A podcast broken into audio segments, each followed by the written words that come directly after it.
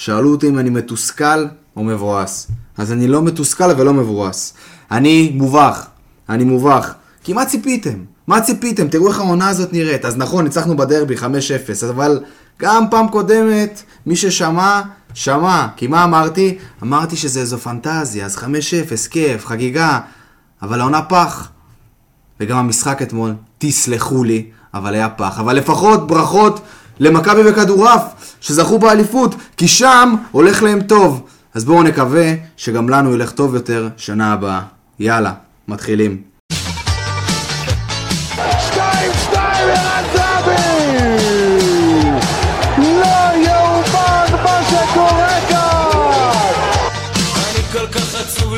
שתיים,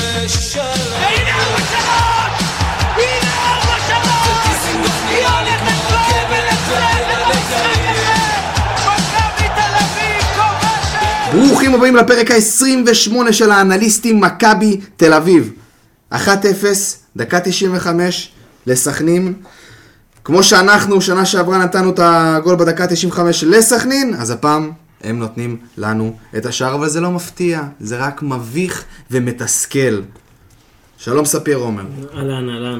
איך אתה מסכם את המשחק המתסכל, מביך וכואב הזה? האמת שזה היה צפוי. היה הרגיש כזה כאילו כל התחמושת בזבזנו בדרבי. את כל מה שהיה לנו הוצאנו על הדרבי וזהו, היום לא, אתמול הייתה הרגשה שגם עוד שעה לא ייכנס הכדור. מתסכל, וזה לא פעם מתסכל. ראשונה שזה קורה. ברק בלייברג, מה אומר על ה...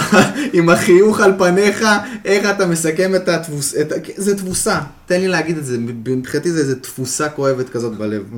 מבחינתנו אוהדי מכבי כל הפסד הוא תבוסה, נכון. גם בדרך כלל תיקו זה הפסד לא קטן. נכון. אה, החיוך עוד מרוח לי מהפנים מהחמש אפס שבוע שעבר, אני מעדיף להכחיש את מה שקרה מאז. זאת אומרת, אתה מכחיש את כל העונה, כן. משאיר רק יש את ה- 5-0, 5-0. זה הכל. כן, זה מה שיצאתי מהעונה הזאת. אורן שניידר, אני אקח את הקו הרגיש שלי של דעה לא פופולרית, המשחק היה מתסכל, מדכא, העונה מתסכלת, מדכאת, המשחק לא, אבל המשחק לא היה כזה גרוע, סבבה? המשחק, יכולנו לדבר פה אחרת בקלות, עם שלושה, ארבעה, חמישה מצבים של 80% הבקעה, 100% הבקעה של יובנוביץ', אתה אומר כאילו איך אתה לא שם את זה, ופרץ איך אתה לא שם את זה, והיה כמעט אה, יד שאלמוג בעט, וגלוך היה לו איזה בעיטה מסוכנת.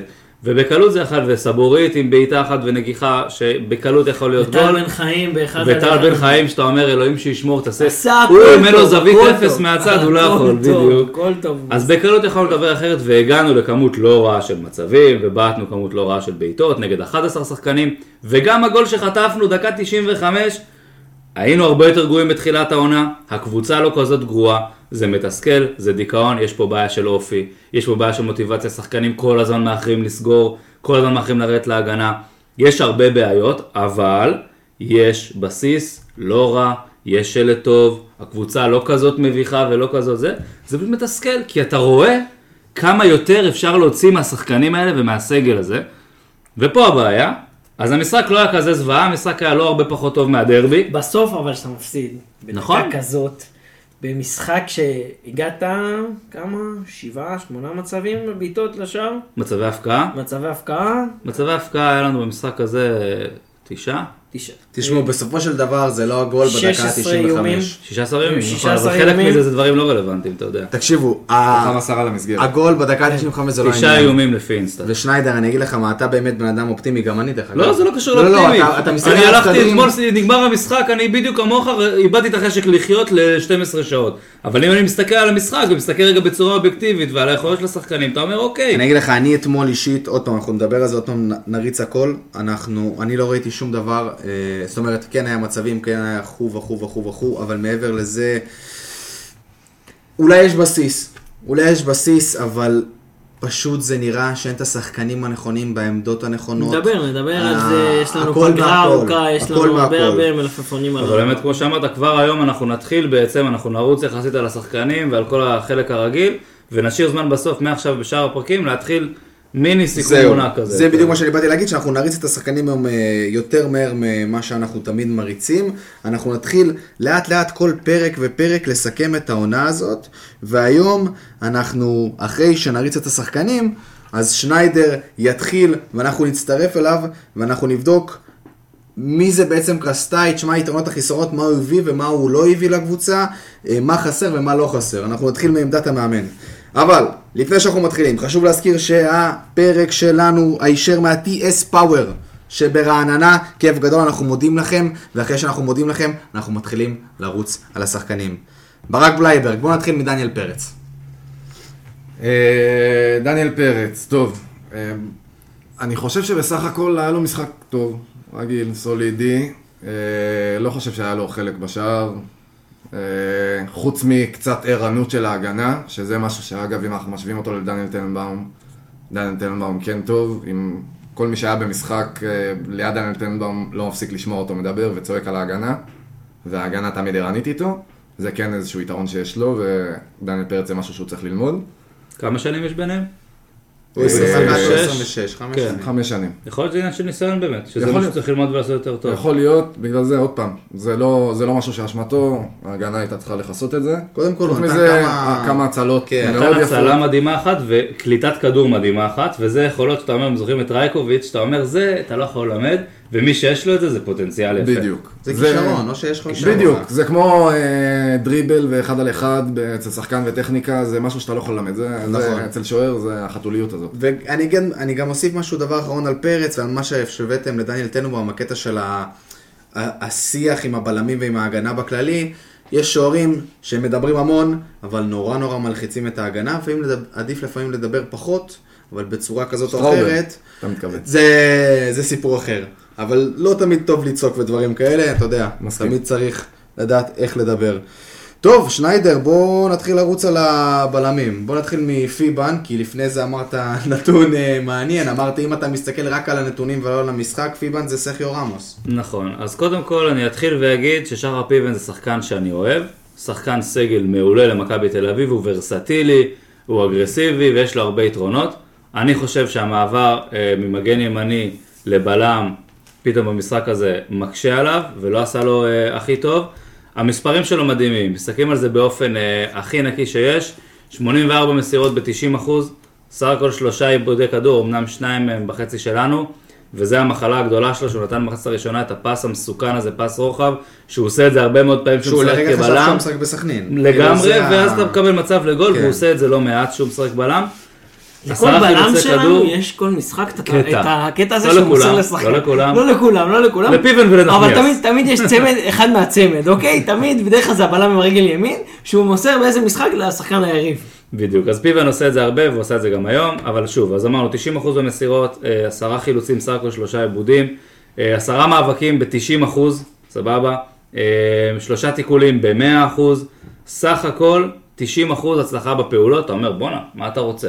אז מה שאני רוצה, את זה הסגירה הזאת. להיכנס ליותר מאבקים, מה שאני רוצה זה לא להסתכל על גלאזר שלא מכסה את אה, מלמד ושתצא בזמן, ואחרי שאתה לא יוצא בזמן למלמד והוא נותן דאבל פס, אל תסתכל על הכדור, לאן הוא מסר, תרוץ עם השחקן שחזר אחורה, שים עליו את הגוף, תאט את, ה, את התנועה שלו, תעשה עליו עבירה, 27-28 מטר מהשאר, ושלא ייכנס לתוך הרחבה לבד לגמרי, זה מה שחסר לי, הוא לא עושה את זה מספיק טוב, מה שעוד הוא לא עושה מספיק טוב, ותהרוג אותי למה בלטקסה או סבורית לא משחקים את הבלם השני. החילוף. חיכיתי לרגע שנדבר על סבורית. רגע, רגע, גם זה- למה החילוף הזה? נגיע לזה שנייה, לסבורית. אבל מה שהוא לא? עושה, זה הוא לא מגיע לפני השחקן לעצור את ההתקפה, כמו שסבוריצה וכמו שבלטקסים הוא כך טוב, לעלות גבוה עם השחקן, עם החלוץ או מי שיורד לקבל את הכדור, ולקחת את הכדור שם וזאת, הוא לא עושה את זה. משחק סביר של פיבן עם שתי טעויות ענקיות, שאתה אומר, זה כאילו, זה לא, הוא, זה לא הוא מתאים. מפוזר כזה, הוא כאילו לא, הוא, יש, מבחינת נתונים אמרת, הוא מצוין, אבל כאילו, הוא מרגיש לי כאילו הוא מפוזר במגרש. כאילו הוא לא בדיוק זוכר אם הוא מגן, לא בדיוק זוכר אם הוא בלם, הוא כאילו מ- לא זוכר. כשנגיע לקרסאי נדבר על זה, זה מה שקרה שסבורית ובלטקסה החליפו שלוש פעמים מגן בלם, מגן בלם, ואז חטפנו את הגול אה, עליהם, נגד איזה, מי זה היה? זה היה לפני באר שני שבע. משחקים, נגד באר שבע. אה, ושהוא מעביר את פיבן מבלם למגן, ופתאום הוא מוציא את גולסה מהקפאה, ופתאום מכניס את דן אז ביטון זה באמת להקפאה, נדבר הוא- שנדבר. על קרסטייץ', אבל בואו מפיבן, ספיר עומר, נעבור לסע. ג'וסווה סא. אה, ככה, אה, עשרה חילוצים, ארבעה עיבודים, אפס תיקולים. הוא ירד ארבע פעמים לתיקון, אפס אחוז בתיקון. אפס אחוז, סליחה, ארבע פעמים ירד, אף פעם לא הצליח לקחת כדור. אה, 33 אחוז במאבקי כדור. 15 מאבקים, אה, רק חמישה מוצלחים. משהו ב- במשחק הזה, אולי, אני משער, גם, יכול להיות שהצבא של ג'ירלדז, ביחד איתו, זה אולי עניין של שפה. אה, כי הוא שים לב... אתה מת על השפה הזאת? אני מת על השפה כי אני יודע מה זה לא תקשורת. אני יודע מה זה תקשורת עם בלם. זה אמור. בדיעבד, הייתי לא- מגן, אני יודע מה זה תקשורת בין בלם למגן, שמגן מכוון אותך, אם אתה לא מתקשר טוב עם הבלם, אז אתה במצוקה. באמת במצוקה. שפות, זה באמת נכון, לגמרי. כל הזמן זה השיח זה עניין. עניין, ש- זה עניין של תקשורת. זה עניין של תקשורת, ואני חושב שזה חלק מהצבא של ג'רלדס אתמול.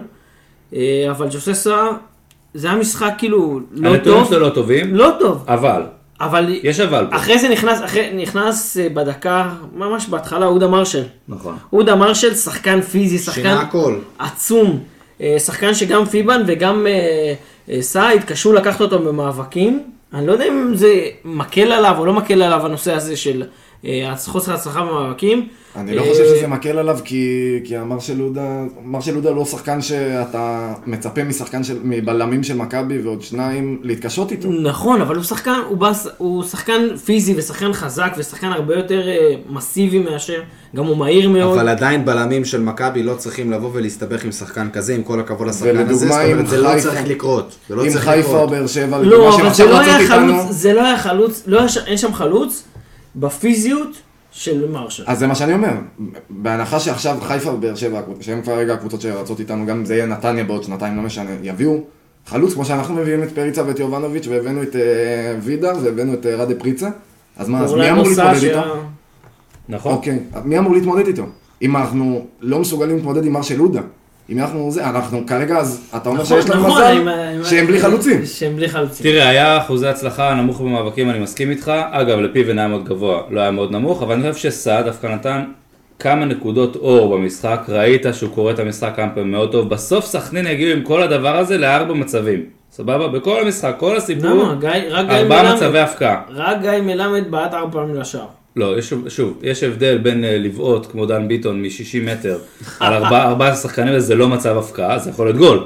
אבל זה לא נחשב מצב הפקעה באינסטנט, ככה לא מנתחים את זה. תן- את הנקודות תור של סער. אז הנקודות אני- של סער זה שהוא. מניע את הכדור טוב, הוא. מניע את הכדור טוב, מסכימים איתי ורואים שמכבי נכון. סומכים עליו, רואים שההגנה הרגועה שהוא משחק, השחקנים יודעים משהו כנראה, מבינים מה שאנחנו אולי לא מבינים, הוא נכנס לפני החלוץ שלו יחסית טוב, הוא טעה בזה פעם אחת, אבל הוא עדיין, גם כשהוא טועה בזה, הוא מעכב את המהלך מספיק כדי שמישהו יגיע, ובסוף, שוב אני אומר, לא משחק מבריק שלו, והוא עדיין לא יתקנים לקבוצה, בואו, הוא הגיע, נפצע ישר וכזה, אני מזהה בו דברים חיוביים. היית- היית אומר- משאיר אותו?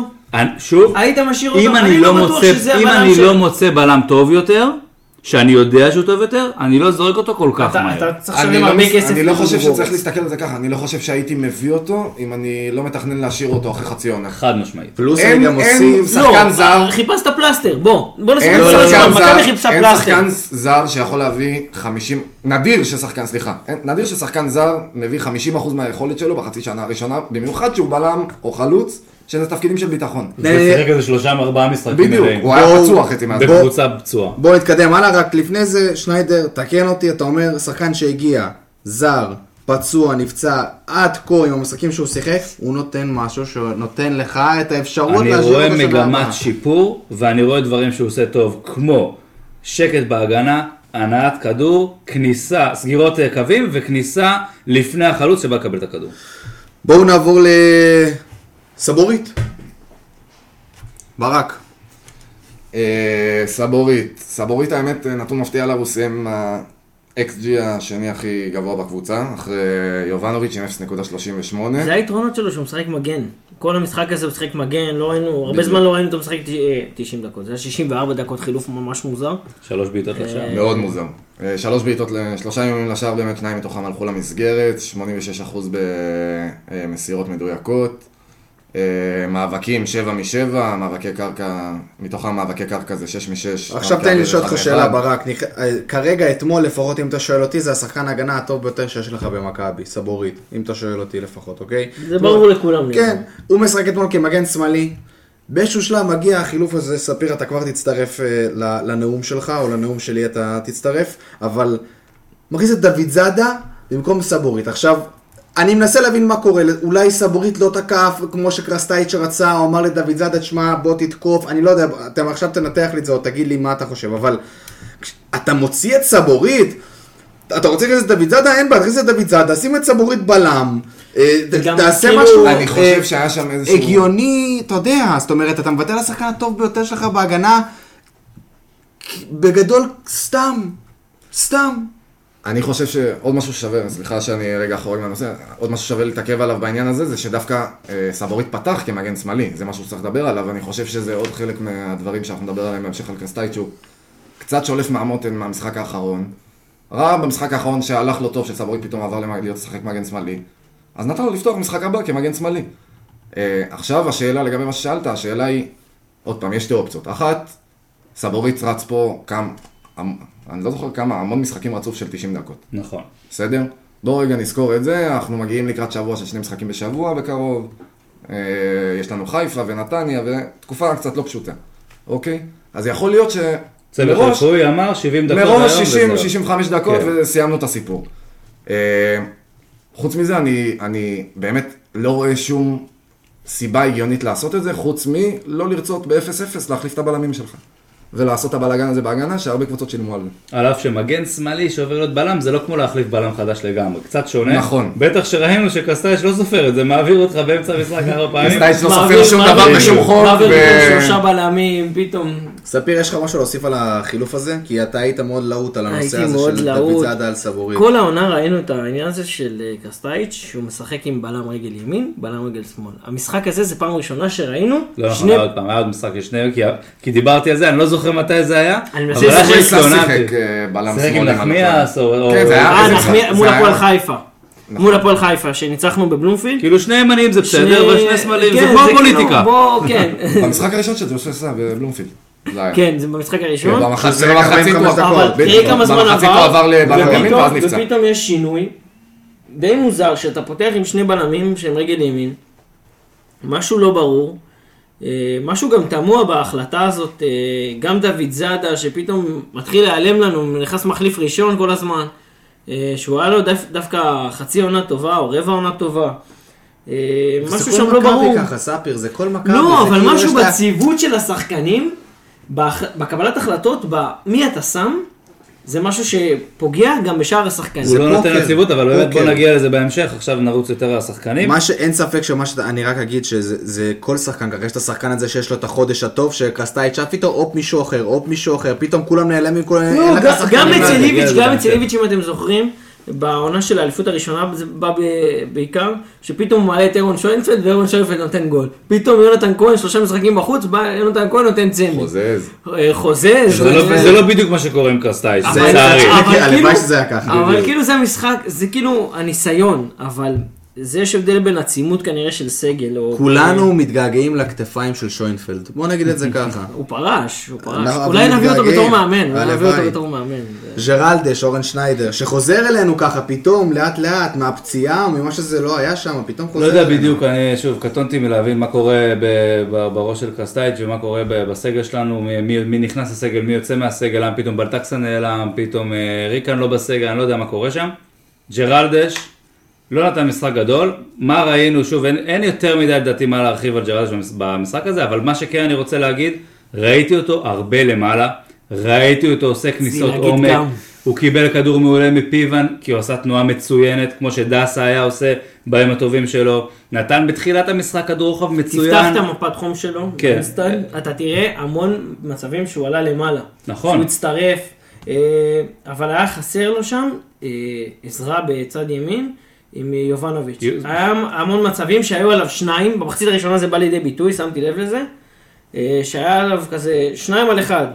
ויובנוביץ' כאילו נשאר למעלה, שומר את הבלם. דיברנו כן. על זה גם קצת בפרק הקודם, על העניין הזה של העבודה של יובנוביץ' בהגנה, אז... אה, לא, אבל גם בוא, מה הדבר הכי. יותר גרוע מלשים את יובנוביץ' בצד שמאל ב-4-3-3? בוא נחשוב, בוא נשים אותו בצד ימין ב-4-3-3, וזה מה שג'רלדש היה צריך לשלם עליו, אה, להתמודד איתו. תראו, שוב, רק על שהוא ג'רלדש, רגיל לפאקינג עומר אצילי. אני חושב די. שמכבי יעשו לא, טוב? עונה לא טובה של ג'רלדש, עונה לא טובה, עונה רעה של ג'רלדש, אבל הוא לא לשחק כדורגל, וצריך לזכור שזה מגן ימני שהכתרנו אותו כאחד הטובים שהיו פה במכבי, וכשאנחנו מסתכלים לעונה הבאה, צריך לז- לזכור גם את המשחק הזה ונקודות אור במשחק הזה, ולזכור שמי שמורחק מהר מדי שחקנים לפעמים משלם על זה ביוקר, ועכשיו נכון, גם שנביא עוד איזה... אין לך מה להביא, אין לך מה להביא, אבל יש לך איזה ילד כזה שמסתובב לך מושאל. מזרחי? כן, נכון. שאתה יכול להביא אותו ביחד, ו... ולראות מה קורה. אולי זר שישי של...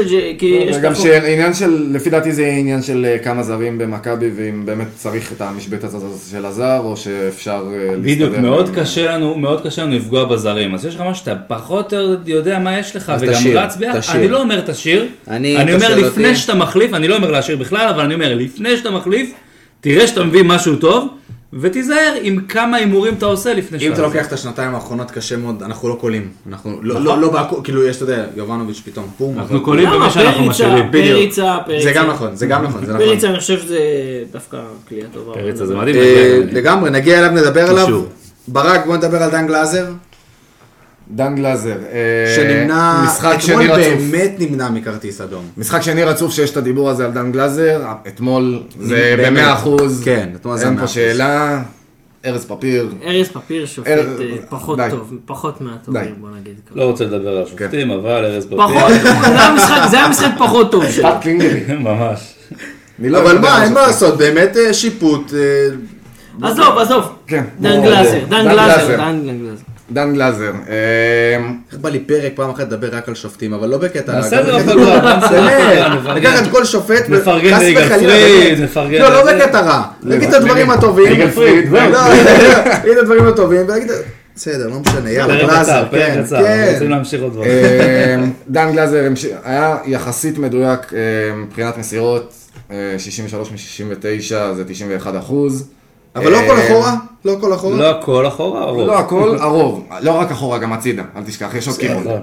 העיקר לא קדימה, זה מה שחשוב. אוקיי, לא קדימה, זה העניין. אמ, ומעבר לזה, מבחינת עיקולים, שלוש משש, אנחנו רגילים לראות מגלאזר מספרים קצת יותר גבוהים. אה, בדרך כלל, אה, מה שכן, עשרה חילוצי כדור, שמשתווה בעצם רק לשני הבלמים שלנו, ובפער עצום על כל השאר. לא יודע מה להוסיף, משחק קלאסי של. דן גלאזר בעונה שכזו. כן, נתן את שלו בסך הכל, אין פה יותר מדי, לא, לא, עשה, לא עשה over יותר מדי. אליו הצטרף אייל גולסה, ספר עומר, שאתמול אה, פתח, ואיך אתה מסכם את המשחק של אייל גולסה? אני מתחיל קצת להבין למה, לפני שאני אדבר רגע על הנתונים, אה, אני מתחיל קצת להבין למה לא ראינו אותו. אולי קרסטייץ' ראה משהו באימונים, אני מה, מאוד משהו אוהב את השחקן. קונספירטיבי כזה, אתה אומר? לא, לא, לא, משהו מהשחקן, מהחזרה שלו מהפציעה, רואים שחקן, תקנו אותי אם אני טועה, אני ראיתי שחקן קצת עייף, קצת קר, קצת אה, אולי רך, אולי פחות רוצה להיפצע, אני מאוד אוהב את אייל גולסה, אה, היו לו 19 מאבקים, רק עשרה מוצלחים, אה, שני תיקונים מוצלחים, ארבעה עיבודי כדור, שני חילוצי כדור לאייל גולסה.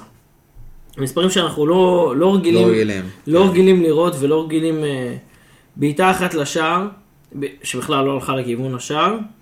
אה, משהו באייל גולסה מרגיש לי שכאילו קרסטייץ', אה, כולנו באנו בתלונות וקרסטייץ' כאילו אמר, בא להוכיח לנו עכשיו, אתם רואים אני צודק. שניידר, אז אולי באמת, קרסטייץ' צודק עם גולסה. לא, לא, לא, שנייה. אולי כולנו צעקנו פה אתה מדבר וזה, פה הוא לא על שחקן צודק. שיצא מהקפאה, אתה מדבר פה על שחקן שצריך... שעבר פציעה, שעבר פציעה, אין ספק. עבר פציעה, הקפיאו אותו, לא נתנו לשחק כשהוא חזר מהפציעה. כשאתה מדבר על שחקן בשלב של העונה, מתסכל, שכל הקבוצה לא טובה.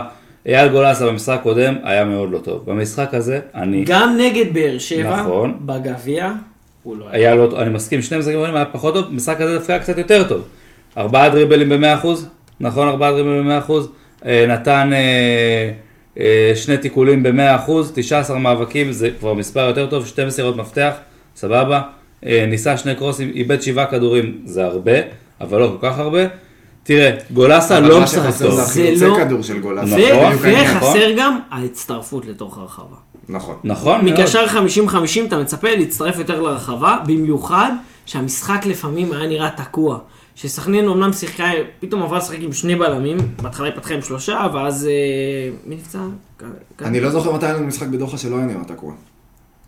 היה משחקים, נכון. היה משחקים יפים? היה משחקים של גולסה לך? וקרטנסון, שאני נהניתי להיות שם. כי ארטנסון, זה בדיוק מה שאני אומר. מתי היה לך את זה פעם אחרונה במשחק בדוחה שלא היית תקוע? ישן מאוד, אתה כן, צריך כן. לחזור מאוד מאוד אחורה. גם שנה שעברה. מאוד מאוד מאוד. אחורה. בואו נעבור לקניקובסקי, כי אני פתאום שם לב שאנחנו כל פרק, אה, לפחות בשלושה ארבעה משחקים האחרונים, מדברים על אותם שחקנים, אומרים את אותם הדברים, מתוסכלים מאותם הדברים, ואתה אומר בואנה, מה, מה יהיה הלאה? זאת אומרת, מתי כבר נגיע לאיזה פרק, כנראה עונה הבאה, שאנחנו נדבר על השחקנים בצורה אחרת, אולי על שחקנים אחרים. הכל פה מאוד מרגיש לי תקוע. אני, אני מה אני מרגיש לי מחכה. תקוע. אני מחכה למשחקים האלה. תמיד יש את הסיבוב הראשון מול קבוצה כזאת, אה, לא רוצה להגיד, אה, פחות טובה מליגה פחות טובה. ב- באירופה, משחק, תמיד את הסיבוב כן, הראשון. המוקדמות. ואז אתה בא, נותן איזה, גם, אבל למרות שהעונה זה היה צפוי, יצאנו שם ב-0-0 מול, אה, שכחתי איך קוראים להם. כולנו. אה, מול איזה קבוצה, לא זוכר כבר, סיטיפה, סיטי, ספרטק, סודובה? לא, לא, לא אה, משנה, אני זוכר. טרנרה, ספרטק טרנרה. אה, תראה. טרנרה. אה, טוב אוקיי, אתה. היה 0-0, הזזת אותי אחורה היה בזמן. 0-0 במשחק הראשון שלו בעונה, ופשוט זה היה נראה חושך. בקבוצה הזאת, כאילו, בכל מצב אחר אנחנו נותנים להם חמש. ואז תמיד במשחקים האלה אנחנו מדברים, או, יש פה שחקן ויש פה זה. אה. אז אולי בזה. אה, קניקובסקי אתמול 64 דקות, 0 בעיטות לשער, 38% ממאבקי כדור, אה, 0 דריבלים מוצלחים, 0 תיקולים מוצלחים, 0 חילוצי כדור. בנוסף, לא עשה עבירה אחת, לא סחט עבירה אחת, נבדל לא היה לגיטימי, ונכנס רק לשמונה מאבקים בכללי במשחק, שלשם השוואה קניקובסקי זה שחקן שאנחנו רגילים לראות אותו בפער בכמות. המאבקים. אז מה קורה שם? מה קרה- במשחקים האחרונים שקניקובסקי... לי מרגיש שזה כמו, דיברנו על זה נראה בפרק הקודם על העניין של המניה, שכל פעם, זה כמו מניה כזאת שיש לך, והיא יורדת בחצי אחוז, ובאחוז. ואתה לא שם לב, ואתה אומר, בסדר, אחוז, מה זה אחוז? מה זה חצי אחוז? רגע, אז... ואז היא יורדת לך אחרי חודש בעשרה אחוז, ואתה אומר, אה, בואנה, אני הפסדתי עשרה חושב... אחוז. רגע, אני אבל חושב מה- שיש לזה הסבר מסוים של עניין של עייפות. אנחנו, בואו נסתכל אחורה חזרה לתחילת אמצע העונה. קניקובסקי זה היה השחקן היחיד שרץ כל משחק 90 דקות, לא משנה מה, לא זז מההרכב, היה לנו המון המון שינויים בהרכבים בעונה. אני חושב שהוא בערך היחיד שלא היה לו תקופה בחוץ, חוץ מהתקופה עכשיו. לא, במשחק קודם הוא היה בחוץ. חוץ מהתקופה של עכשיו, זה מה שאני מדבר. בדרבי הוא היה בחוץ. בדרבי הוא היה בחוץ, ובמשחק נגד חיפה אז בסמי עופר. ברק, אבל אני. חייב לשאול אותך שאלה בנוגע לדבר הזה, כי זה משהו שאותי נגיד נורא נורא מתסכל מה שאתה אומר. אתה לוקח את הכדורגל הישראלי ואתה אומר, תשמעו, קניקובסקי, אנחנו כבר לקראת סיום העונה, כן? קניקובסקי באמת, הוא שיחק הכי, בוא, בוא נגיד שהוא שיחק הכי הרבה דקות במכבי תל אביב, כל משחק 90 דקות וזה וזה. מה אתם מצפים ממנו? שתי משחקים לסיום, כן? עייף. עכשיו למה זה מתסכל אותי? כי לוקח קבוצה, לא צריך ללכת לקבוצות הגדולות, לך לקבוצה... סלטה ויגו, בסדר? אוקיי. לוקח שם שחקן כלשהו משחק 90 דקות, ונשארו שתי משחקים לסיום עונה. אתה לא מדבר עליו אותו דבר. דבר ראשון, צריך להבין שזה לא, לא רק קשור, אה, זה גם קשור לסיטואציה של העונה. אני מניח שאם היינו רצים עכשיו לאליפות, אז זה לא, לא היינו רואים את זה, אבל זה גם קשור לסיטואציה של העונה, שכל הקבוצה הזאת בדאון מסוים. גם אנחנו ב down מסוים, האוהדים ב down מסוים. אז הגיוני שגם השחקנים יהיו ב down מסוים, ובמיוחד שחקן כזה, שבאמת רץ, וכל משחק שראינו אותו משחק, עד לפני כמה מחזורים, היינו אומרים שהוא עובד בשביל חמישה במגרש. לגמרי. והוא היה משחק, הניהול סגל בעניין שלו, לא, לא רק בעניין שלו, אבל החלוקת בעיקר בעניין דקות שלו. בעניין שלו, זה היה... לא, היה, שלו. לא הייתה נכונה, ולפי דעתי אנחנו רואים את התוצאות של זה עכשיו. מאוד פשוט. כל הקבוצה מושפעת מה, מהמצ... מאיזשהו מצב מנטלי, אנחנו רואים את זה בזה שהם מאחרים לחזור להגנה, אנחנו רואים את זה אבל היית בטוח, בתוצאות. אחרי שאתה מנצח 5-0 בדרבי, היית בטוח שהקבוצה מנטלית, משהו שם ישתקם. זה לא עובד משהו ככה. שם יקום. זה לא עובד לא, ככה. מנטלית לא ניצחון בדרבי. היה עונות, באמת היה עונות.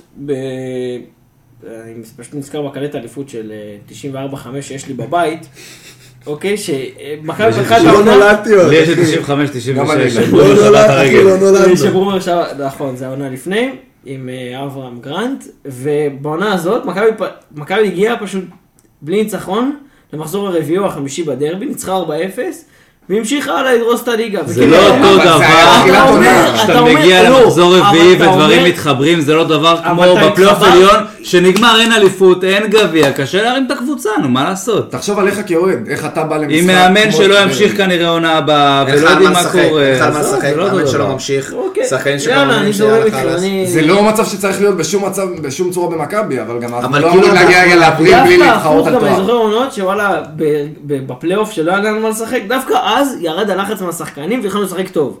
זה מאוד תלוי, זה מאוד תלוי בסיטואציה שאתה נמצא בעונה ו... אני רק רוצה להגיד דבר אחד, הנתון שלכם. על גולסה על 53% במאבקים, שזה אחוז לא רע בכלל, מעט מאוד שחקנים בליגה עם ממוצע אה, גבוה מזה למשחק. אנחנו צריכים להבין שמאבקים לזכות יותר מ-50% זה לא רע. סבבה? שאתה מסיים אבל בוא 33 בוא זה נדבר על זה, משהו בוא אחד. נדבר על זה, בוא נדבר על זה הכל שסכנין, של איזה מאבקים. סכנין. חסרה- למה אתה נכנס, כמה אתה. נכנס, איפה אתה נכנס. סכנין. חסרה את הקישור האגרסיבי שלה. את ועדיין בירם קיאל עדיין הם קבוצה אגרסיבית. ו- ואת גנאים, הם היו חסרים את שני השחקנים הכי גרזנים שיש להם. ועדיין עם אורן קאבה ועדיין... נשאיר את השאלות שיש לי אוסקר גלוך. באמת אה, בהמשך. ל- בהמשך, כן. אוסקר גלוך, שניידר אמרת, אני הצטרפתי, אתה מנמק. אוסקר גלוך, אה, לגבי המשחק הספציפית, שוב, קודם כל אה, הוא יצא יחסית אה, מוקדם, דקה 64. ארבע, ארבע, דקה עם 64, ארבעה חילופים. בדיוק, כן. יצא זה. עד המחצית, הוא היה עם 11 דריבלים, הוא לא הספיק נראה לי ב-20 דקות להוסיף דריבלים. ב-55 לא רע, סבבה. הוא עושה את זה טוב. נתן שני כדורים מאוד מאוד טובים להרחבה, אחד ליובנוביץ', שני, אני כבר לא זוכר למי. אה, אני לא רוצה להיכנס אליו יותר, שוב עוד כמה, זה נתן אה, שבעה עיבודים, שוב שחקן שמנסה הרבה, זה לא נורא בכלל בעיניי, לשחקן שמנסה כל הזמן לדחוף קדימה, שלושה חילוצי כדור שזה לא רע בכלל, 22 מאבקים הכי הרבה בקבוצה ב-64 דקות. נכון, חצי מזה, חצי מהמאבקים האלה זה דריבלים בהתקפה, אבל כל השאר דריבלים בהגנה, יש לו אחוזים טובים, הוא שחקן אקטיבי, הוא שחקן אגרסיבי, אני מאוד אוהב אותו, אני מאוד אוהב איך שהוא מקיים את המשחק, הוא מסוכן כל הזמן עם הכדור, הוא כל הזמן חושב קדימה. אני שמח שהוא פה, אני רוצה שהוא ימשיך. יש לו בעיה בקבלת החלטות, כמה פעמים הוא עשה דריבל במקום פעם אחת, במקום לתת לגולסה שהיה לבד לגמרי באמצע. זה לוקח זמן, וגם לשחקנים גדולים יש טעויות כאלה. זה שהוא חושב התקפה ומנסה לקדם את המשחק, הראש שלו במקום הנכון, עכשיו זה fine-tuning, תנו לו לשחק, תנו לו ביטחון, זה יבוא. נקודה אחת שאני רק אוסיף על גלוך שאני לא מבין, זה למה להוציא אותו אתמול. זה אני לא מבין. זה השחקן גם- היחידי שמשחק לך ארבעה קדימה, חילופים, זה השחקן אה. היחידי שמנסה, מנסה. כל הארבעה חילופים, באמת, אה, שהוא עשה, אה, להכניס את דוידזאדה, ייני, טל בן חיים וברנדלי קוואס, במקום גלוך, קניקובסקי, סבורית סבורית ופריצה. ופריצה. הכל היית עושה אני חייב אחרת. לא, לעצור אותך רגע. אני חושב שהבעיה שלנו עם כאילו- החילופים האלה זה- זה מי ש- זה- מי שנכנס, לא שהוצאת את השחקנים האלה. נכון! לא ש... אנחנו אין לנו בעיה שהוצאת את השחקנים האלה. היחידי לא, שוב, לא, שנכנס, לא היחידי שנכנס שהיה לא טוב. זה, עוד פעם, זה ייני. הוא יכול לבוא ול... אם- ייני, אם הוא רואה היגיון היחידי. שמסר קדימה, ששיחק קדימה, היחידי, ייני השחקן היחידי מבין הארבעה ייני שנכנס קדוש, לשחק קדוש, קדימה. באמת, באמת היחידי ששיחק קדימה. טוב, בואו נעבור ליובנוביץ', מספר 99, ברק בלייברג, איך אתה מסכם את ההופעה שלו, שגם הוא פתח הרי כנף ימין, ניסו לעשות אותו מנג'וקיץ', מה מה הולך פה? רבאק, רבאק, לא מתאים. לא מתאים. חמש לא פעמים, לו. שתיים למסגרת, תעשה גול, תעשה גול. שם גם... איך אפשר לסכם את זה טוב גם- יותר, שניידר? לא, באמת, אי אפשר, אי אפשר. גם הקטע הזה, אם אתם זוכרים ברצה ראשונה פריצה נתן לו כדור, שאומנם הוא הרים דגל לדעתי לא היה אופסייד, נכון. והוא בעט שם בדשא, מה כן. מה קרה שם? כאילו הכדור עבר לו מעל הרגל כזה, ומה כאילו, זה כמו בשכונה כזה, כן. שאנחנו, מישהו כזה, כולנו משתלחים על הרצפה מצחוק אם מישהו מפסס ככה את הכדור. אהבתי שהראיתי לכם את זה עכשיו עם הרגל, כאילו רואים את זה, כאילו זה... ביום שהגיע היוטיוב. מה קרה? מה קרה? כאילו, לא יודע, בזבזת הכל בדרבי, מה קרה? לא, עזוב, בוא, שחקנים לפעמים מפספסים, זה בזבזת קורה. שחקן, אני אגיד עליו, לגבי המשחק אתה צודק, אין מה להגיד, הגיע למספיק הזדמנויות והיה צריך לשים גולים. אני אסכם לך את זה קצת, כאילו לשים עוד משהו אחד, גם במשחק לא טוב שלו, גם במשחק שהוא משחק באגף ימין, ולא במערך שהוא הכי רוצה, אה, חמש בעיטות לשער, שתיים למסגרת, ארבע מסירות מפתח, הוא נתן שלוש קרוסים. הוא לא אמור לתת קרוסים, סבבה? הוא מנסה, הוא עובד, הוא איכותי, היה לו איזה... אה, מה הדיוק דאבל כמה פאס. מה זה? אפס, אפס אחוז. אה, לא הצליח כאילו, כלום. לא הגיע לכלום. אבל שנייה, קרוסים זה בעיה, כי קרוס מצוין, יכול לא להיות גול כי השחקן איחר, כי הוא לא רץ למקום הנכון. נתון שקשה לי מאוד להסתכל עליו. בדיוק, צריך לראות את הקרוסים שהוא נתן, אנחנו כרגע לא ניכנס לזה כי זה לא משנה, זה לא מה שאמור לעשות. הוא שחקן חכם, הוא שחקן טוב, הוא נכס, ואני רוצה להגיד עליו דבר אחד, אם השחקן הזה פה עוד שנתיים, עוד שנתיים, ולא נתן בתוך לא השנתיים האלה לא יקרה, 30 לא גולים לפחות באחד העונות, עשינו נזק לקריירה של השחקן ואנחנו מטומטמים. זה שחקן שאו סוף עונה הבאה, או סוף עונה אחרת צריך להימכר, ואם נצליח לקבל ממנו שתי עונות של 30 אבל, גולים, אבל. אבל, צריך את המישהו שנותן לו את הכדורים. הוא לא. יכול, היה. מצב במחצית השנייה, אם אני לא טועה, שהוא רץ באגף, ואז אמרת כזה, ולא היה אף אחד איתו, ואתה אומר, אם היה לו טיפה יותר מהירות, הוא היה משיג, אבל הוא לא השחקן הזה, ואתה צריך את השחקן, את הכנפיים האלה, השחקנים היותר מהירים. וזה המצב. מסכן לבד לגמרי, חלוץ עם 27 מסירות ב-74%, מטורף. כן, מטורף. מצוין, אין שום בעיה עם זה. הוא גם העליות, המאבקי אוויר. כמו שדיברנו בשבוע שעבר, שדיברנו על הבעיטה שלו ברגל שמאל מהפעולה שלו, שדווקא הרשימה הכי הרבה, אז גם הפעם היה פעולה שמאוד הרשימה אותי, ש... במחצית השנייה, שטל בן חיים פרץ קדימה בהתקפה מתפרצת, והוא חתך איך כן, שטל בן חיים פרץ השטח קדימה. וואו, כן. זה תנועה של חלוץ גדול. זה תנועה של חלוץ גדול. ספרינט כן. שהוא לא נתן בחיים שלו בערך, לפתוח את השטח ולקבל את הכדור, הוא פתח לעצמו את השטח מדהים, לקבל את הכדור ישר מול שוער, שזה עוד פעם, פעולה שפשוט מרשימה. בואו, בואו רגע, זרמו אותי עם הראש, בבקשה, אני פשוט אחד ש... שהיה בתיאטרון ועוסק בזה, אני אוהב לדמיין, וואו, אוקיי? וואו, וואו. אתה אמרת פה, יובנוביץ', אתה יודע, נותן, ייתן לנו 30 גולים וכו' וכו', יימכר. בחייאת, כל אחד שיגיד, בדמיון, לאן אתה חושב שהוא ילך? זה מעניין אותי, אני אוהב דברים לא. אני מאמין, קבוצת אמצע טבלה? ומעלה, אמצע טבלה ומעלה בליגה הצרפתית. אוקיי, כמו רייקוביץ'. ריינס. לפי דעתי אתה מפרגן לו, לפי דעתי... אמצע טבלה אמצע טבלה ומטה. מקום עשירי, לא, ומעלה. אה, זה, כן. כן, היה כן, לא פה, מעבר. שניידר פה נתן פה. להרגיש טוב. לא, לא, הוא אין צריך להרגיש טוב. אין- לו את המהירות, אין לו את חשבתי. ילך לווטפורד זה מינימום. עניין של, אתם צריכים להבין שברגע ששחקן. ממכבי תל אביב, נכון. מהליגה הישראלית נמכר לליגות גדולות, זה כמו שאצלנו עכשיו יביאו שחקן מליגה באנדורה או סן מרינו, ככה הם מסתכלים על זה.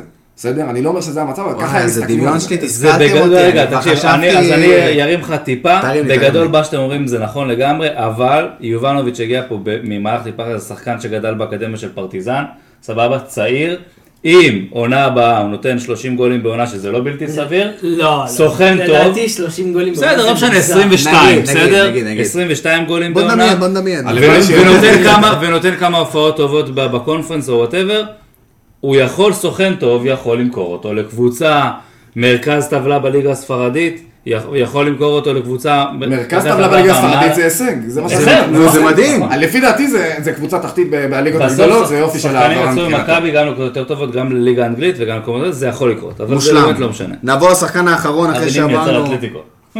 אבל אתלטיקו של... כן. וברקוביץ' יצא לזה. אל טרטוגל, כן, כן. וזוהר לקריסטל פלאס. ספיר עומר, בוא נסכם בצורה, אתה יודע, קצרה ולעניין את מספר תשע שלנו. פריצה. פריצה.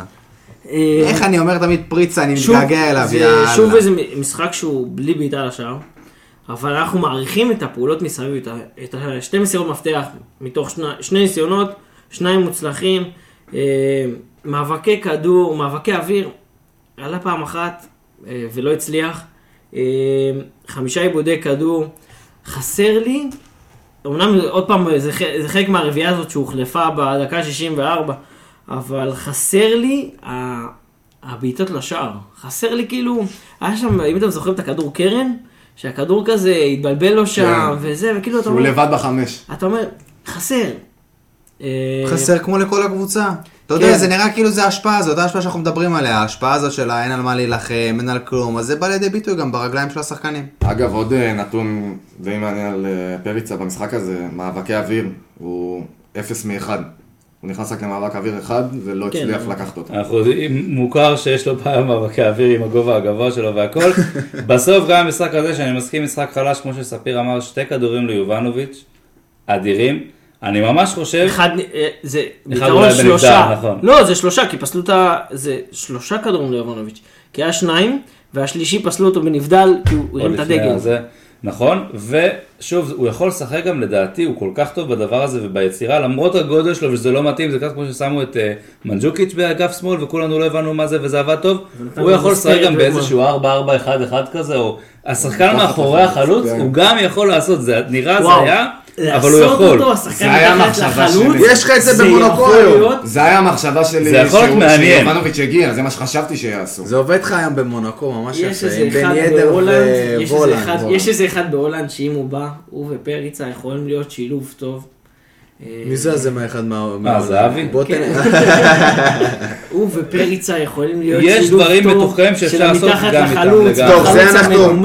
אנחנו נגיע לזה. מחליפים קצת, מחליפים. עוד נתון- לברק. עוד נתון מעניין, לא, גם בואו אם נכניס רגע את גבי קניקובסקי לעניין של שלישייה קדמית ביחד עם יובנוביץ' ופריצה, אנחנו מסתכלים על השלישייה הקדמית שלנו עם חילוץ כדור אחד ו-15 עיבודי כדור. אה, זה נראה לי אומר משהו, במיוחד שהיינו מדברים, אנחנו מסתכלים על עונות אחורה, העונה של איביץ' והכל, על הלחץ הגבוה שהיינו עושים אחרי עיבוד כדור.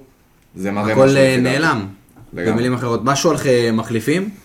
כן, ברנדלי אה. קובאס עם אה, שבעה עיבודים ב-34 דקות, שאני חושב שזה שיא יפה. זה אומר הכל. כן, מכובד מאוד. שרן ייני, יש לו טאקל. בעיניי משחק יש לו נהדר. טאקל. יש לו לו חילוץ. כדור. יש לו לו חילוץ. כדור. ייני בעיניי משחק נהדר, השחקן היחידי שנכנס והתחיל לשחק כדור קדימה. וניסה- מטורף, מטורף, מטורף, חייב להיות גול. נכון, זאת אומרת, אה, זה פשוט. משהו לא נכנס אתמול, באמת, לא יודע, משהו במגרש כל הזה. העונה, אני אמשיך משהו להגיד לא, את זה, לא משהו בסכנין העונה. מחושף, לא יודע מה לא להגיד לכם. אומר, זה כבר אתה רץ את זה. אתם זוכרים גם בסיבוב הראשון בפלייאוף, במשחק- במחזור הראשון של הפלייאוף העליון, גם היה מצב, עם פריץ היה אחד על אחד מול... אה, נכון. מול עמוס, ולא נכנס. לא, רגע, אני- וכאילו משהו שם, לא יודע, באמת לא משהו יודע שם, אני, זה. ספי, אני רוצה שתבדוק לי, מתי האחרונה- פעם האחרונה, אה, באיזה עונה זו הייתה, שלא ניצחנו את סכנין. מתי. הפעם האחרונה שזה קרה? וואו. רגע, מתי אני- הפעם אה, האחרונה קרה מצב שבו אנחנו לא ניצחנו את סכנין? לא עכשיו כמובן, כן, תבדוק לי אם עד סוף כן. הפרק אנחנו נגיע לזה, נגיע לזה, אם לא אז לא, אבל זה פשוט... משהו לא- קטן על אילון אלמוג, אני רוצה להגיד כמחליף.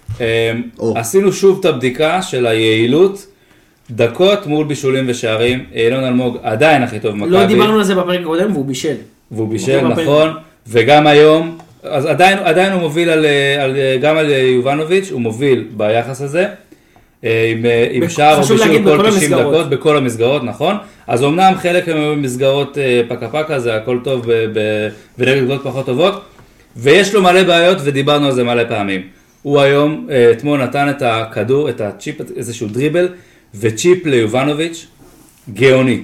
יש לו פעולות מעולות, הוא שחקן מסוכן, ואם נצליח גם אותו להרים ולשפר אותו, להביא מאמן. שיוציא ממנו את המיטב. שיבוא, ולא יודע מה, לא רוצה להגיד אה, משהו הראש. שקשור לאלימות, אבל יבוא עם שוט ו- ויגיד לו, הלו, תתחיל תתעורר." לעבוד, תתחיל לעבוד, אז וואלה, יש לו יש פוטנציאל מטורף. אגב, במחשבה על ה-4-4-1-1 הזה שדיברנו עליו מקודם, הוא גם יכול להיות. כחלוץ שני, אני חושב שזה יופי. של עמדה בשבילו, כאילו. בואנה, כולנו פה צריכים להיות מאמנים. במכבי, באמת, ולנסות כל הדברים האלה, כי זה ב- כי זה באמת מעניין לראות מה היה קורה אם. לא שמעת שלמכבי יש אותנו, 30 אנחנו- אלף מאמנים? נו, כולנו, זה. אנחנו.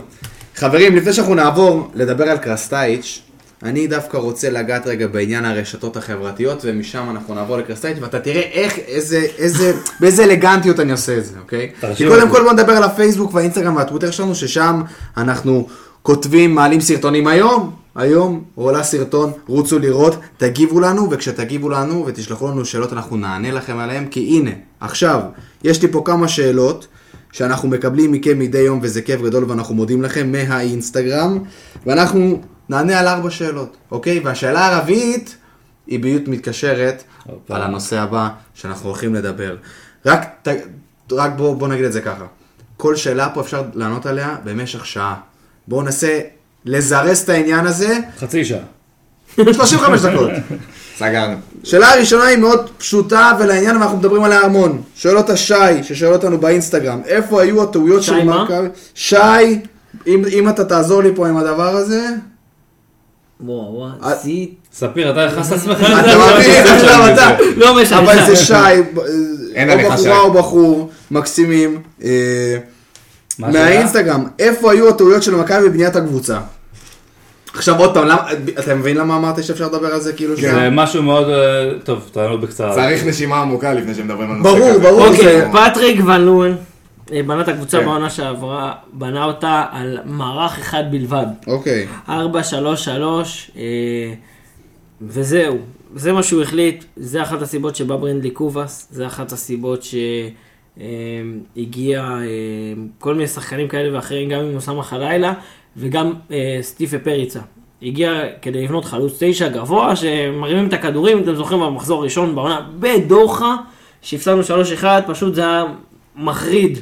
עדן שמיר גם הגיע בשביל הדברים האלה, מהצטרפות אה, להרחבה. הצטרפות נחמיאס. שכל המשחק שלנו היה בנוי על גררו מקבל את הכדור באגף ימין, הוא שם אחריי נכנס לפריצה, ולא זוכר מי שיחק שם, אה, את ה-50-50, גם נכנס לרחבה ומרים כדור. על שלושה בלמים של סכנין, שכולם בערך בגובה של פריצה. זה בערך המערך שפטריק ון בנה את זה, ונקווה שבעונה הבאה תיבנה קבוצה על יותר ממערך אז אחד. אני אגיד משהו קצת, קצת שונה מספיר, זה שאני קצת, אני קצת לא מסכים איתך ואני חייב להגיד את הדבר הזה, לדעתי קובאס בא על הראש של, אה, של אה, ון ליוון על אוקיי. אפו ועל חמתו, כי הוא רצה שתי שחקני קו עם רגליים על הקו ולא רגל הפוכה, נכון. וקובאס קלאסי רגל הפוכה. אני חושב שבאמת ון ליוון רצה לבנות קבוצה על 4-3-3 קלאסי, רצים הצידה, מרימים להרחבה, אומר ככה נשבור בונקרים, אין מה לעשות עם זה, פריצה ינגח, שמיר ינגח, אה, בלטקסה ינגח, נחמיאס ינגח. בסוף מה שקרה זה שקיבלת קבוצה שרוצה לשחק 4-3-3 בלי שחקני אגף. אנחנו תקועים בלי השחקני אגף האלה עד היום, וזה מה שגמר אותנו. מעבר לזה, אין כזה בעיה בבנייה של הקבוצה, בעיקר הבעיה שלנו זה בבחירת השחקנים ובהנעת כדור באמצע. זה שתי הבעיות שלנו. הנעת כדור באמצע ואין שחקני אגף. השאלה השנייה, זה מין הטלת פצצה פה, אוקיי. ושאלה על הנייר מאוד פשוטה, אבל שואל אותנו אורן, לא אורן שניידר, אלא אורן מהאינסטגרם, הוא שואל אותנו, מה צריך לעשות עם נחמיאס? האם להשיל אותו? האם להשאיר אותו? אני- האם למכור להגיד? אותו? אני- אני רוצה להגיד שבעונה הבאה, דיברנו על זה כבר, יהיה עונה ארוכה. יהיה צפופה, סליחה. נכון. אה, שיהיה פגרה של אה, אה, כמה שבועות טובים בגלל המונדיאל, וצריך סגל רחב. כי אם אתה עולה לשלב בתים, אז אתה צריך סגל של שני משחקים בשבוע, אתה צריך סגל גדול. ושחקנים, ולדעתי עידן נחמיאס במשחקים מסוימים, מול קבוצות מסוימות, הוא שחקן, הוא בלם רוטציה מצוין. במיוחד שהוא ישראלי.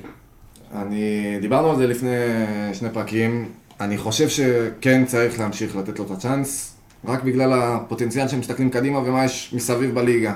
אין לנו בלמים ישראלים מבטיח, מבטיחים בליגה. אפשר לדבר על ניר ביטון וזה שהוא רוצה לחזור. בואו, בן כמה הוא? אוקיי, בן ביטון? פציע, מבוגר. אנחנו, מסתכל, אנחנו רוצים להסתכל שבוע קדימה, אנחנו. רוצים, הרגע, עונה שעברה נפ- אה, נפטרנו כביכול מאיתן טיבי אחרי עשור, אנחנו רוצים עוד מישהו כזה שירוץ לנו ישראלי. אם אתה מסתכל על המבחר 30 שיש לך. בליגה, אין, אין מבחר כזה גדול, במיוחד לשחקנים שכבר עברו עונה אחת של התחשלות במכבי. לא, ניר ביטון בן 30. כן. זה... זה רכש חד משמעית, שמי שתביא אותו זה שווה. תפסיקו עם הפנטזיות האלה. לא, לא, לא, לא, לא, לא. דסה וביטון. למה הוא רוצה לא, לא, לא. לחזור? בן אדם רוצה לא, לחזור. לא. מדבר אם לא, הוא לא, מגיע לא. למכבי, לבאר שבע, לחיפה, לא משנה. מי שתביא אני רק אומר. בלם הוא בן יגיע 30. לאחת- הוא יגיע לאחת משלושת הקבוצות האלה. ומכבי צריכה לשים עליו את ה... אני רק אומר, בלם בן 30, מהניסיון שלך שיש בעבר, לו... אנחנו נשים עליו את היד או באר שבע. בלם בן 30, שיש לו ניסיון אה, בחוץ לארץ, של לא מעט שנים, בקבוצה תמיד טוב. גדולה. בקבוצה גדולה תמיד. טוב. בואו נעבור לשאלה השלישית, זו שאלה שניידר, שהיא כבר מתחברת לקרסטייץ'. כי קודם כל, עידן ביטון אומר ככה, מה יהיה עתיד המאמן, ובואו ננסה דור להבין, אני ככה, בואו ננסה להבין מה הייתה האסטרטגיה של קרסטייץ' להמשך העונה. מה הייתה ומה תהיה האסטרטגיה של קרסטייץ' להמשך העונה, ומשם אנחנו נתגלגל לאט לאט לאט, ונתחיל לסכם את עניינו של קרסטייץ' העונה, איך, מה, מה מה היה, הייתה מה לא האסטרטגיה היה. של קרסטייץ' באיזה שלב? שהוא ניסה להביא שחקנים בינואר? הוא עכשיו. מה תהיה האסטרטגיה של קרסטייץ' עד לסוף העונה מעכשיו? מה זה שנראה לא כרגע... ברור בכלל. זה בדיוק, כאילו לנסות להעביר. את הזמן. למה עידן ביטון שואל אותנו? זה כמו, זה כמו שאתה מציין מקום עבודה וכאילו התפטרת כבר. ואתה יודע מה, ויש לך כבר מחליף, ואתה כאילו רק חכה שמישהו יביא את המחליף הזה, תעשה לו חפיפה, ותגמור את ה... ספיר לא מדבר. מניסיון אישי. ותגמור את העניינים. תראה, אני חושב ש... וצייב יפה, תלחץ יד למנהל ותלך הביתה. אני חושב שקרסטייץ'. היה מפוזר מהרגע הראשון. יש לנו עוד שאלה, נכון? לא לא להיכנס כבר... לא, לא, לא, לא. יש עוד שאלה. אני אגיד לך מה, יש מה עוד שאלה? אבל השאלה הבאה... כי זה מחבר אותי כבר לאתה זה- יודע. אני אגיד לך למה, זה העונה הבאה. השאלה הבאה זה שאלה שאנחנו לאחר מכן, כי זו שאלה כבר שמתחברת לנו על הסיכום עונה. ואם אנחנו נתחיל לדבר על זה עכשיו, אז אנחנו זה לא לעולם לא נסיים. אז בוא נרוץ אז על בגלל זה. זה אני, תרוץ על מרק אני קרסטייץ'. אז אני חושב בכוונה מתקשר שקרסטייץ' הגיע לקרסטייץ'. אה, עם אה, מוטיבציה לעשות רע- לרעיונות חדשים, והוא רצה לשנות, והוא רצה לעשות מהפכה, והוא הגיע ו... עכשיו שוב, זה גם קצת לא מחובר לו על הסיטואציה, הוא חייב שהוא יבוא לפה ויחליף ארבעה זרים תוך חודש, וישנה את כל הקבוצה, ולא יודע בדיוק מה יעשה, והוא המשיך עם הקו הקצת מוגזם הזה לכל אורך העונה. דיברנו בהתחלה, ואני אמרתי קודם, אני לא רוצה לשפוט אותו, לא לטובה ולא לרעה. בואו נראה מה קורה. אז בואו נראה מה למדנו, מה קורה איתו עד עכשיו. קודם כל למדנו שאנחנו כבר אה, 15 משחקים ב- במכבי, יחד עם אה, אירופה, סדר גודל. סיבוב שלם. סיבוב שלם זה 13, עוד שבעה 3 4 עשר. משחקים באירופה, סדר גודל. יותר. עוד באזור בזה- ה- יותר, על 18 משחקים רק נכון, בליגה. נכון. לא, לא, אני חושב שזה באזור ה-20 פלוס משחקים. 20 ומשהו מעולה, 20 ומשהו משחקים אה, כבר במכבי. אנחנו עדיין לא יודעים איזה, הוא עדיין לא בחר מערך? עדיין לא לא בחר מערך. ניסה המון דברים, ומה שהוא הכי מתקבע עליו בינתיים זה 4-4-2 יהלום, שנסכים, לדעתנו, לא עובד איי איי איי, סבבה? עובד. אין לנו שחקנים לזה, אין לנו מגנים לזה. האמצע שלנו לא מניע כדור במספיק אגרסיביות ומהירות כדי לפרוץ דרך האמצע, זה לא קורה. ודווקא על זה הוא יחסית מתקבע. שם שחקנים לא בעמדות שלהם, אה, אז הוא נורא מפוזר, סבבה, נורא מבלבל את השחקנים. ניהול משחק. כמה פעמים הצלחנו לשפר את הקבוצה עם החילופים. דווקא המשחק האחרון, יחסית דוגמה לא טובה לזה, כי יחסית תקפנו יותר ונראה שיפור. בדרך כלל הוא עשה חילופים וגמר את המשחק, נכון, זה המשחק לא הראשון. שאיכשהו ראית שינוי בהתקפה. נכון, לטובה. לטובה, ובשאר המשחקים לא ראית כלום. לא נגד באר שבע. נגיד, גמרת את המשחק עם החילופים. צריך אבל לציין את זה שעוד פעם, דיברנו על זה, הכלים שיש לו בספסל זה לא כלים שאף אחד מאיתנו רוצה להכניס, זה גם חלק מהעניין. נכון, נכון. זה גם חלק מהעניין. בסוף הוא לא יכול לשחק עם אותו הרכב 90 דקות ולא לעשות חילופים. נכון, לגמרי, אבל אסטרטגית, אם אנחנו מסתכלים על האסטרטגיה, שזה כאילו הייתה השאלה, אז האסטרטגיה. שלו הייתה לשנות הרבה ולתקוף כמה שיותר. זורק כלים התקפיים, ובוא נקווה לטוב. האסטרטגיה הזאת לא עבדה. זה מה שאני חושב שהוא רוצה כרגע. מה הוא רוצה לעונה הבאה, קשה להגיד, באמת קשה לקרוא, אה, לקרוא את הבן אדם.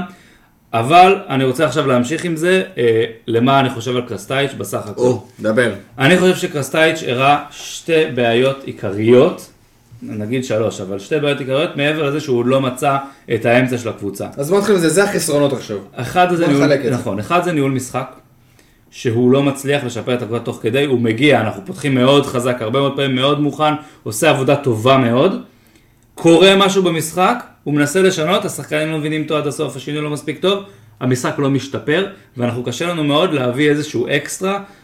קרה פעם או פעמיים שעלינו מהמחצית בטירוף, אבל החילופים לא עשו AI. דבר שני זה ניהול סגל. אני לא מבין את ההקפאות של בלטקסה, של גולסה, שמיר משחק פתאום הוא לא רואה מגרש, קניקובסקי משחק פתאום הוא נעלם, פתאום הוא חוזר וחוזר לא טוב. פיבן חוזר מזל. פיבן עולה חוזר, ג'רלדש עולה חוזר, אילון אלמוג עולה חוזר, קובאס. הבנו כבר שזה לא עובד, אז תפסיק לשים אותו 30-40 דקות ואחרי שהוא יוציא לך את המולדת, את המולדת.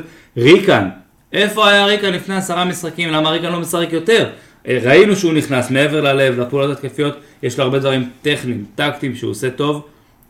לשים את, אה, את אה, יובנוביץ' בצד ימין, לשים אותו בצד שמאל, לשלוח את פריצה ואת יובנוביץ' לאגפים של שחקנים צריך יש לשים. כאן משהו לא ברור שקרסטייץ' נסגר. הוא עושה את הדברים במערך. האלה לא מספיק טוב, לא רק במערך, גם בניהול הסגל של מי חם, מי מרגיש שהוא בעניינים. זה לא כמו איביץ' שכולם אמרו, אתה ידעת שאם בחימום לפני המשחק, באיך זה נקרא, שחימום, אימון מלון. אימון עוררות, אתה לא רץ כמו שצריך בחימום, אתה לא משחק. זה לא שכולם חדים כל הזמן, כולם לא חדים כל הזמן. כל מי שנכנס לא פוגע. מרגיש שהוא איבד גם באיזשהו מקום את הסגל. לגמרי. גם העניין הזה של ההדלפות בחדר הלבשה שיוצאות בתקשורת זה דבר שלא קרה במכבי כבר עשר שנים. נכון? עשר שנים לא חושב שחוויתי ממכבי כל כך הרבה הדלפות, בתוך זה שמישהו מוציא לתקשורת שהשחקנים מאוכזבים מקרסטייץ' ממה שהוא אמר במסיבות עיתונאים. הלו, מה קורה? מה, מתי זה יוצא ככה? שהשחקנים מדליפים לאיזה כתב כלשהו שמאוכזבים מהמאמן. זה מתסכל לדעת שאתה קורא בוואן ובספורט 5 ואתה את המערך נכון. הצפוי ואתה אומר וואלה זה כנראה הולך לקרות. פעם לא ידענו עכשיו פעם זה... לא, אצל איביץ' לא ידענו כלום. אצל איביץ' הזמן אנחנו צוחקים על זה החברים שהיו כתב, קבוע, כל כתב שהיה של מכבי תל אביב היה מפרסם את ההרכב, את המשוער ואת המערך והיינו צוחקים, היינו עושים זה לא דברים. של אנדר עובר שלושה ארבעה טעויות כאילו. בדיוק. סבבה? ועכשיו ועדיין הם אומרים. פוגעים אה, על המאני. פוגעים, הם מצייצים, יש ואתם כתבים חושבים שמצייצים- שזה, אה, שזה, בוא נגיד, זה נופל גם על קרסטייץ' הדבר הזה? אני חושב הסגל. שבקבוצה, בתקופה של קרסטייץ', איבדנו קצת את כל העניין הזה של מכבי, אוקיי? אנחנו, בואו נסתכל רגע, ניקח... זה קצת אגרסיבי כי מטאפורית- איבדנו את זה כבר מטאפורית- ועם ולו. לא, מטאפורית לא. איבדנו את בד איוטה. אתם זוכרים את בד נכון, איוטה של ג'ורדי קרויף, נכון. שהדבר הראשון שהוא עשה בקריית שלום? שם בד איוטה מסביב, שאף אחד לא יראה מה קורה. אני... ואיבדנו את בד איוטה. אני רוצה להסביר מה אמרתי, לא, לא איבדנו את. מכבי בקטע של, אוקיי, כל מה שבנינו פה עכשיו בעשור האחרון נעלם. ממש לא, זה לא העניין. אבל דברים שהיינו רגילים והיו הבסיס לכל מה שמכבי נבנתה עליו בעשור האחרון, לא נמצאים היום. בין אם זה, אם אתם, תיקחו את כל העשור האחרון, רצנו על ה-4-3-3 הזה.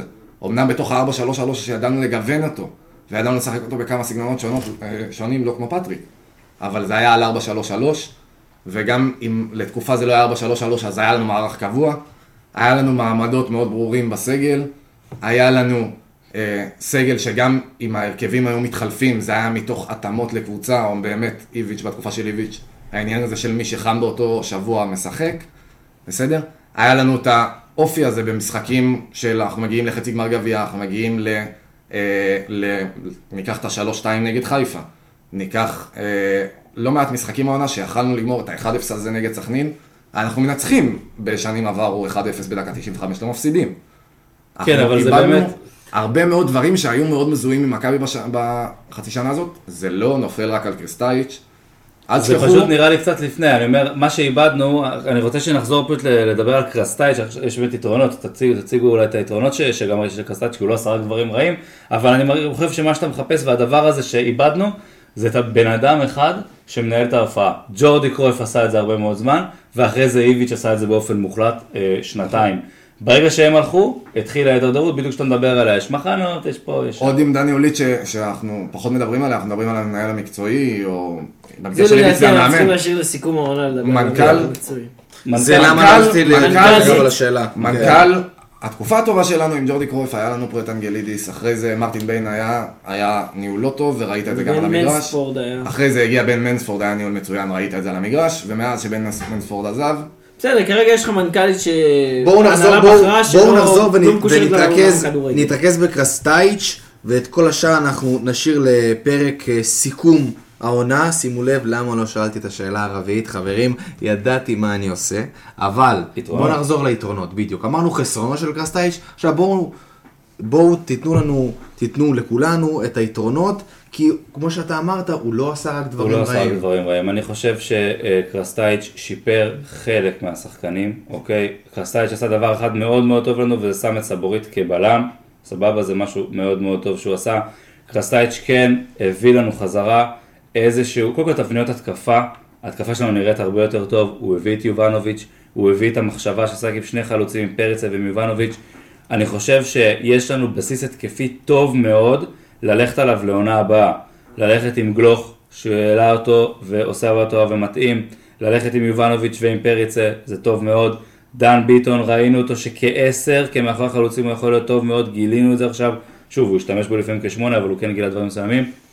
העניין הזה של שלושה בלמים שנהיה מאוד ברור, למרות שהוא לא משתמש בו, אבל הוא גילה את זה ועלה על זה, הוא הביא את זה לשולחן, וזה מה שיכול ללכת לנו מאוד מאוד מאוד חזק. זה אתה יכול לומר גם על דוניס עונה שעברה. נכון, אתה צודק, אתה צודק, אבל סבורית כבלם זה חדש, וזה משהו מאוד חזק שמכבי יכולה ללכת עם זה, וזה בלם הרבה זמן קדימה, והוא יעשה את זה יותר טוב מלהיות מגן, וגם הדעיכה יותר איטית לבלמים מאשר למגן, אז הרווחנו את אה, סבורית.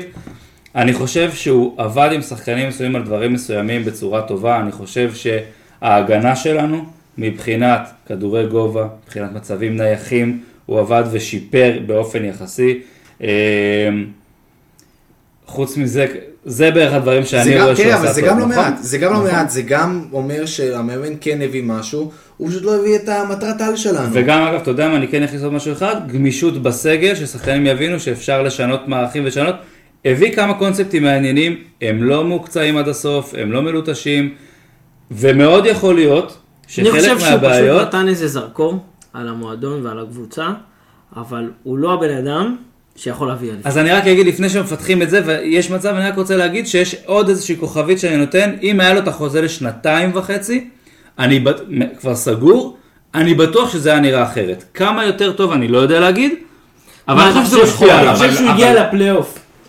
בוא נתחיל מהמשחק הקודם נגד בני סכנין. אתה חושב שהוא הגיע לפלייאוף בגלל שלא היה לו חוזה, אז הוא נתן, אה, הוא הראה לשחקנים קצת משהו אחר. לא, אני לא, לא, חושב לא, שיש פה אבל השחקנים ידעו שזה אחר, הוא היה מתוסכל מזה אבל בטוח. אתה רץ לאליפות. הוא היה לפני הפלייאוף, היה רצת הוא היה. מתוסכל מזה שלא הבטיחו לו את החוזה, זה בטוח. השחקנים ידעו את זה. אבל אתה עוד פעם חוזר לעניין. הזה של הניהול של המועדון. זה נכון. בדיוק העניין הזה. שחקנים בתקופה של ג'ורדי לא היו- לא היה מעניין אותם מי המאמן עונה הבאה, בגלל זה הוא אני שם, לא. כי הם ידעו שיש מישהו שקובע, אבל בגלל זה אני שם את כל הדבר הזה בכוכבית, שאם זה זה, אולי זה היה קצת אחרת. טוב, בואו נזכיר שמעכשיו כל פרק אנחנו נסכם לאט לאט שחקן כזה או אחר, היום דיברנו קצת על קרסטייץ' ובסופו של דבר יהיה לנו פרק סיכום ענק של כל העונה הזאת. יש משהו להוסיף על קרסטייץ'? כי לא נראה לי. נראה לי אמרנו הכל. אני חושב שרק. עניין קטן של לסנגר עליו קצת, צריך להזכיר שהוא כסגנון מאמן, זה סגנון מאמן שבאמת מחליף הרכבים ומחליף שחקנים, וצריך קבוצה מאומנת אצלו. הוא הגיע אחרי, אני חושב שהוא קצת לא הבין את הסיטואציה שהוא הגיע, הוא הגיע אחרי שנה וחצי בלי מאמן שאימן את הקבוצה כמו שצריך, היינו עם דוניס, היינו עם פטריק, היינו עם יצחקי. אה, חלק מזה זה אשמתו שהוא לא הבין את הסיטואציה, אבל גם צריך לזכור שהוא הגיע באמצע העונה וצריך לראות לא, כנראה שלא נראה, אבל צריך לראות מה קורה עם מאמן שכמוהו, שכן מתחיל את העונה. אנחנו נקווה שכבר, כמו שאמרתי את זה גם פר- פרק קודם, שאנחנו מקווים שכבר יש מאמן למכבי, שהוא כבר רואה את המשחקים, שהוא כבר בונה את, אה, את הסגל לעונה לא הבאה. אני בטוח שהן. אני כי אם גם לא, זה מתסכל וזה כואב, ובסופו של דבר אנחנו נגיע לאותה נקודה, לאותה נקודה. ספיר, משהו אחרון? להוסיף? כלום? אז חברים, הפרק ה-28 של האנליסטים מכבי אני תל לא רוצה אביב. להמר על מה משחק נגד. אוי! אוי! לא רוצה להמר. להמר לא רוצה להמר. תקשיבו, אני... יאללה, תהמר, תקשיבו. תקשיבו, תקשיבו, תקשיבו. אני, מבחינתי, בראש שלי, אני, אני כבר נגמרה העונה.